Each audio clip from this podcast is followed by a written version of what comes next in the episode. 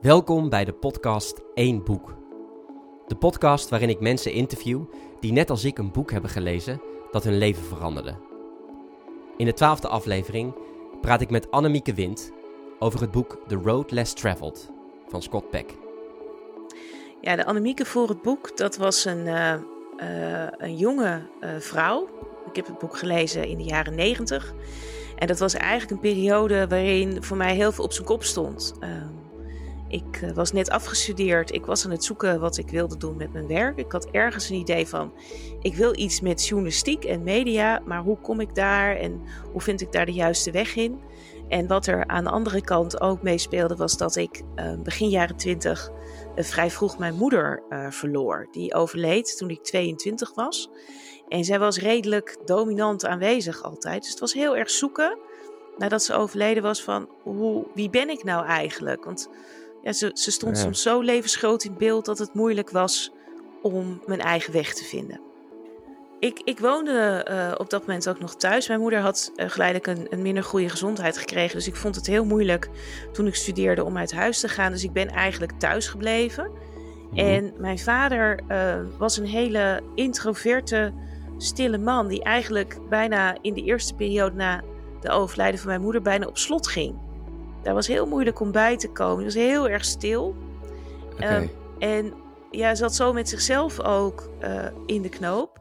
Dat het daarbij heel moeilijk was om voor mij er ook nog te zijn. Plus, ik was ook nog eens een keer zijn enigste dochter. Dus ik reageerde heel anders dan mijn broers. En ik was veel meer aan het zoeken.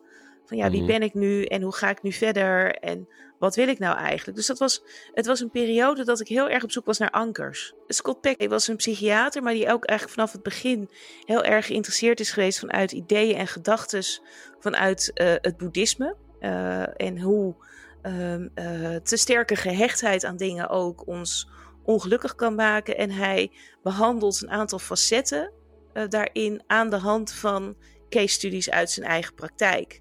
Hij heeft jarenlang in een psychiatrisch ziekenhuis gewerkt en heeft ook een privépraktijk gehad. En is eigenlijk op zoek geweest naar een soort synthese van wat werkt nou, die niet te maken heeft met die traditionele psychoanalyse van Sigmund Freud. Die natuurlijk ook op een gegeven moment heel erg aan kritiek onderhevig is geraakt. En dus het is niet zozeer. Ik heb het, ik heb het onlangs uh, als voorbereiding op de podcast ook herlezen.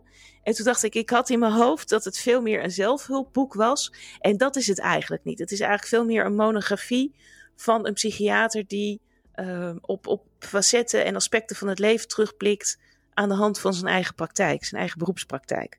Ja. Wat de kritiek op Freud is eigenlijk hè, dat, uh, dat je zo lang blijft graven in je verleden, dat, dat, dat heel erg het, het positieve, het kijken naar de toekomst en nu dat dat het niet eigenlijk uh, niet echt in naar voren nee. komt. Nee. En da daar, daar schrijft hij ook over. Ja, hij, hij is veel meer van wat kun je nu doen en wat Ja. is het belang van aandacht. Uh, aandacht hebben voor het nu.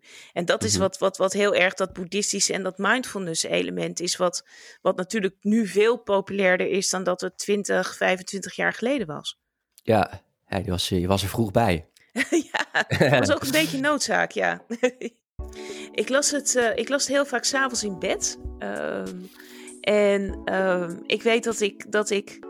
Wat me heel erg aansprak aan het boek was het idee van. Je bent als mens niet zomaar af. Ik had ergens het idee van. Nou, ik ben nu toch afgestudeerd en ik ben, ben geen tiener meer. Ik zou nu toch moeten weten hoe het uh, leven in elkaar zit. En ik heb echt geen flauw idee. Is vast iets heel erg mis met me. En uh, door dat boek leerde ik om te denken: ja, maar je bent als mens eigenlijk altijd in wording. En je kunt je alleen blijven ontwikkelen als je ook naar de dingen durft te kijken die je niet fijn en die je niet leuk vindt aan jezelf. En dat, ja. dat, dat is echt wel. Uh, dat heeft dat boek echt wel voor mij op scherp gezet. Zijn er, uh, zijn er wat uh, passages die je kunt noemen die je heel erg raakten, momenten in het boek? Um, nou, het, het, het, boek handelt ook over. de schrijver schrijft ook vanuit zijn eigen perspectief, hè, zijn eigen uh, ervaring als uh, psychiater. En hij beschrijft ook mensen van uh, een aantal passages. Hij haalt ook wel case studies aan van mensen die hij in de loop der jaren behandeld heeft. En um, als hij beschrijft van ja, hoe doorbraken werken, dan, dan zie je ook, het zijn vaak niet weet je, die, die, die lightning bolts, dat je ineens alles anders ziet. Maar dat voor heel veel mensen het met heel veel kleine stapjes uh, begon. En ook dat als mensen vast blijven zitten, dat dat ook inderdaad te maken heeft met die uh, gebrek aan wil om te kijken naar dat wat pijn doet. En dat heeft eigenlijk het meeste indruk op mij gemaakt. Dat sommige veranderingen, het verander, je, je hoopt soms wel eens dat iemand een lichtknopje kan omzetten en dat alles in één keer anders is. En hij maakte heel erg duidelijk, ja, het begint soms bij hele kleine stapjes en hele kleine uh, dingen die je kan doen. Mooi, ja. Ja, zoals we misschien soms tegen mensen die, eh, die maar somber blijven kunnen zeggen van... kun je die knop niet eens omdraaien? Ja. En dat, maar dat lukt niet, maar dat gaat in hele kleine stapjes inderdaad. Ja, ja. Hoe, uh, kun je eens een uh, concreet voorbeeld geven uit het boek... Wat je, wat je dan heel mooi vond van hoe iemand daar met stappen komt? Nou ja, hij haalde het voorbeeld aan van een vrouw die um, ontzettend uh, daaraan hing om erkenning te vinden van buiten. Dus erkenning te vinden van ja, altijd relaties had met foute mannen. En iedere keer daar vol in ging en iedere keer natuurlijk ook weer vol op haar, uh, op haar gezicht ging. En dat zij geleidelijk, doordat ze zichzelf anders ging zien, ook zich anders ging uiten naar de mensen om zich heen. Dus dan daardoor in staat raakte om andere verbindingen met mensen te maken. En dus niet echt heel jachtig op zoek gaan naar erkenning van een ander. En dat vond ik wel een hele belangrijke, want uh, nou ja, zeker als je zoekende bent en jezelf heel erg uh, uh, dat gevoel van anker mist, ben je soms ook geneigd om met alles maar een beetje mee te waaien. En laat je eigenlijk nooit zien wie je echt bent. En zie je ook voor jezelf nooit wie je echt bent. En ik vond dat dat heel mooi erin zat. Uh, ik had het net over mijn vader, wat natuurlijk in die eerste jaren voor hem ook heel zwaar was na het overlijden van mijn moeder. Dat mm. ik ook anders naar mijn relatie met mijn vader kon gaan kijken. En dat ja. ik dacht van, ik, al, al moet ik tachtig dingen proberen, ik ga proberen om echt verbinding met hem te zoeken. Mijn moeder is in 93 overleden en in 97 overleed de vader van een vriendin van mij. En zij hield op eh, de uitvaart uh, een toespraak over haar vader en haar band met hem. En ik zat daar in die kerk en ik was ontzettend verdrietig voor haar dat ze haar vader moest missen. En ook omdat ik dacht, ja weet je, je gaat nu zo'n proces in en ik kan eigenlijk niks voor je doen, behalve alleen maar zeggen, dit hoort er allemaal bij. Um, en aan, tegelijkertijd was ik heel blij voor haar dat ze haar vader zo echt gekend had. En ja. Dat is echt een, het moment geweest dat ik dacht, wat kan ik anders doen? En hoe kan ik met zo'n introverte man als mijn vader is, hoe kan ik het gesprek met hem op gang brengen? Want hij praat niet over gevoelens, hè? de generatie is dat ook niet. En ik ben begonnen dat te doen door hem boeken te laten lezen, romans die me heel erg raakten. En het eerste -hmm. boek wat ik, wat ik hem liet lezen was een roman van Mensje van Keulen. Wat hij ook een heel erg mooi boek vond. En daar geleidelijk uh, maakten we bijvoorbeeld tijd op zondag. Uh, ging ik vaak uitgebreid koken. En dan trokken we zo rond een uurtje of vier, half vijf middags een fles rode wijn. Zetten we muziek op, Ella Fitzgerald of, of uh, iets anders wat we alle twee leuk vonden. En maakten mm. gewoon echt de tijd om samen te zijn. En dat heeft heel veel veranderd. En daar ben ik heel erg blij om. En dan vertelde hij ook over, nou ja, uh, begon hij ook meer te vertellen over zijn leven. Want ja. mijn, mijn, mijn, mijn, vader was een hele stille en introverte man en mijn moeder was luid en duidelijk aanwezig. Dus ik, ik heb hem soms ook gewoon echt niet gezien, omdat mijn moeder ervoor stond. Dus ik ben heel blij met de jaren die ik samen met hem gehad heb. Ja, dit is, dit is wel een fragment. Ik, ik pak het er nu bij, want het was een begin van een hoofdstuk. Dat ik. Nou ja, dat, dat schetst wel een, een duidelijk beeld. Dus ik zal een stukje voorlezen. Ja, leuk, dankjewel. Het hele leven is één groot risico. En hoe meer ons leven van liefde vervuld is, hoe meer risico wij lopen. Van al die duizenden, misschien miljoenen risico's die wij gedurende ons leven lopen, is het risico waarmee opgroeien ons confronteert misschien wel het grootst. Opgroeien is de overgang van de kindertijd naar volwassenheid.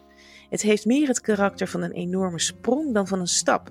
En er zijn mensen die hun leven lang deze sprong niet durven wagen. Hoewel zij grote mensen, en soms zelfs groot in betekenis van geslaagd schijnen, blijven heel veel zogenaamde volwassenen tot hun dood in psychologisch opzicht kinderen, die zich nooit van hun ouders en de invloed van hun ouders hebben kunnen losmaken. Stel dat je tegen al die mensen die daar nog mee struggelen iets zou mogen zeggen. Wat zou dat dan zijn? dat loskomen beter gaat als je het gevoel, als je weet dat je een goede relatie hebt gehad. Dat daar geen ruis op de lijst zat. Uh, als, ik, als ik kijk naar mijn beide ouders, ze leven allebei niet meer. Dan uh, merkte ik dat, dat doordat ik anders naar de relatie met mijn vader ben gaan kijken. En daar heel bewust veel energie in heb gestopt. Dat, mhm. dat, dat dat een andere relatie werd. Die zich eigenlijk enorm veel uh, rijkdom in zich had. En die heel liefdevol was. Wat ook maakte dat toen ik wist dat hij ziek was en dat hij niet meer lang te leven had, dat ik kon zeggen: Ik kan gewoon bij je zijn. Ik hoef niks, er hoeft niets uitgepraat en opgelost en, uh, te worden, want we zijn goed met elkaar. Dus ik ben er. Mooi. En daar ben ik eigenlijk heel erg dankbaar voor. Want mijn moeder, dat was. Hè, ik, ik lijk uh, fysiek op haar. Het extraverte heb ik van mijn moeder. Mhm. Terwijl ik heel veel het beschouwende heel erg heb van mijn vader. En mijn moeder soms zo in mijn beeld stond dat ik soms ook moeite had om mezelf te zien. En dat was, daar was ik me net in aan het losmaken en aan het kijken van ja, hoe ga ik dat in hemelsnaam doen? Toen zij overleed. Dus ik merk, ik heb met haar uh, overlijden veel meer geworsteld dan met het overlijden van mijn vader. Terwijl ik over het overlijden van mijn vader oprecht verdrietig was. Ja. ik kon hem oprecht missen. En dat, uh, uh, ja. dat is ook een pijnlijke emotie. -huh. Maar uiteindelijk wel veel rustiger. Ja, eentje die wat meer klopt ook. Ja, zeker. Ik ben zelf heel erg op zoek gegaan naar wie, um, wat ik mee had genomen van mijn ouders. Um, mm hoe, hoe, ze mij gevormd hebben en wat ik daarvan gekregen heb. En ook waarin ik anders ben dan mijn ouders. Mm -hmm. uh, dat ik ook, dat je bent ook zelf gewoon een mens. En je hoeft, mensen vinden het vaak heel moeilijk om iets uh, negatiefs te zeggen over een ouder die er niet meer is. Maar je kan wel zeggen van, ik, ik las ooit een keer in een, in een zin in een boek van, ja, mijn moeder had een moeder nodig, maar ik ook. Uh, dat, dat het feit dat jouw behoefte als kind uh, anders is dan waar jouw ouders behoefte aan hadden, wil niet zeggen dat jij een slecht kind bent. Nee. Het hoort ook gewoon, uh, die worsteling hoort erbij en het hoort ook gewoon bij het proces. En het is pijnlijk en het is niet leuk. En, maar soms heel hard hoef zeggen, ja, ik vind het gewoon echt, ik vond het echt niet oké dat ze dat gedaan heeft. Maakte wel dat, uh, dat ik ruimte kon maken voor dingen waar ik bijvoorbeeld boos over was. Mijn moeder had zelf heel jong haar moeder verloren.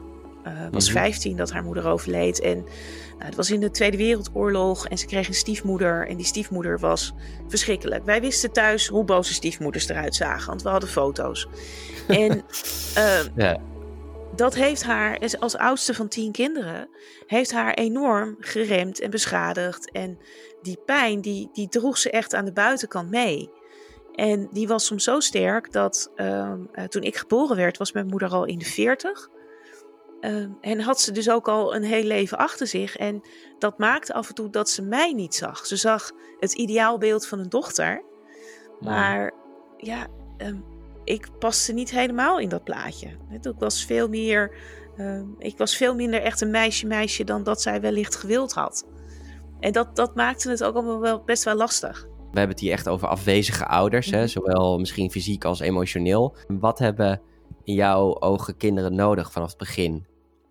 Die, die aandacht. Het gaat ook echt eh, de bewuste aandacht. Mm -hmm. um, het, het, het, het, het feit, ik ben, ik ben op een gegeven moment in mijn uh, latere studie uh, me ook gaan verdiepen in die hele theorie van Bowlby over hechting.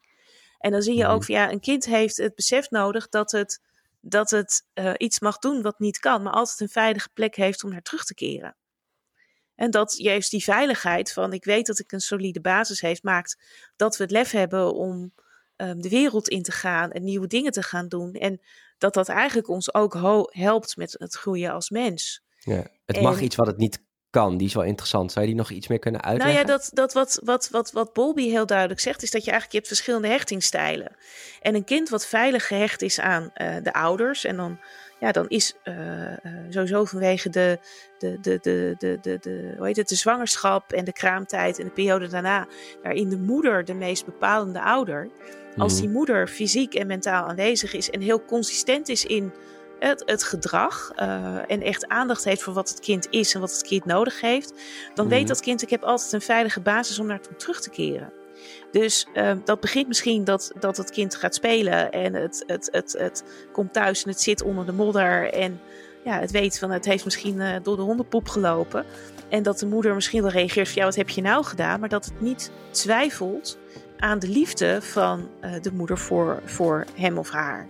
Ja. En als uh, ouders, uh, om wat voor reden dan ook, vanaf beschadigingen of manier fysieke situaties niet in staat zijn om dat uh, beeld uitstralen, dan ontwikkelen kinderen zich anders. En die zijn krijgen constant op zoek naar wel die veiligheid, maar vinden dat niet. En dat zie je heel vaak dat dat leidt tot stops in je ontwikkeling. En eigenlijk wat, wat Scott Peck net dat schrijft, je wordt niet echt volwassen omdat je dat litteken uh, met je meedraagt als je daar geen aandacht aan kunt besteden.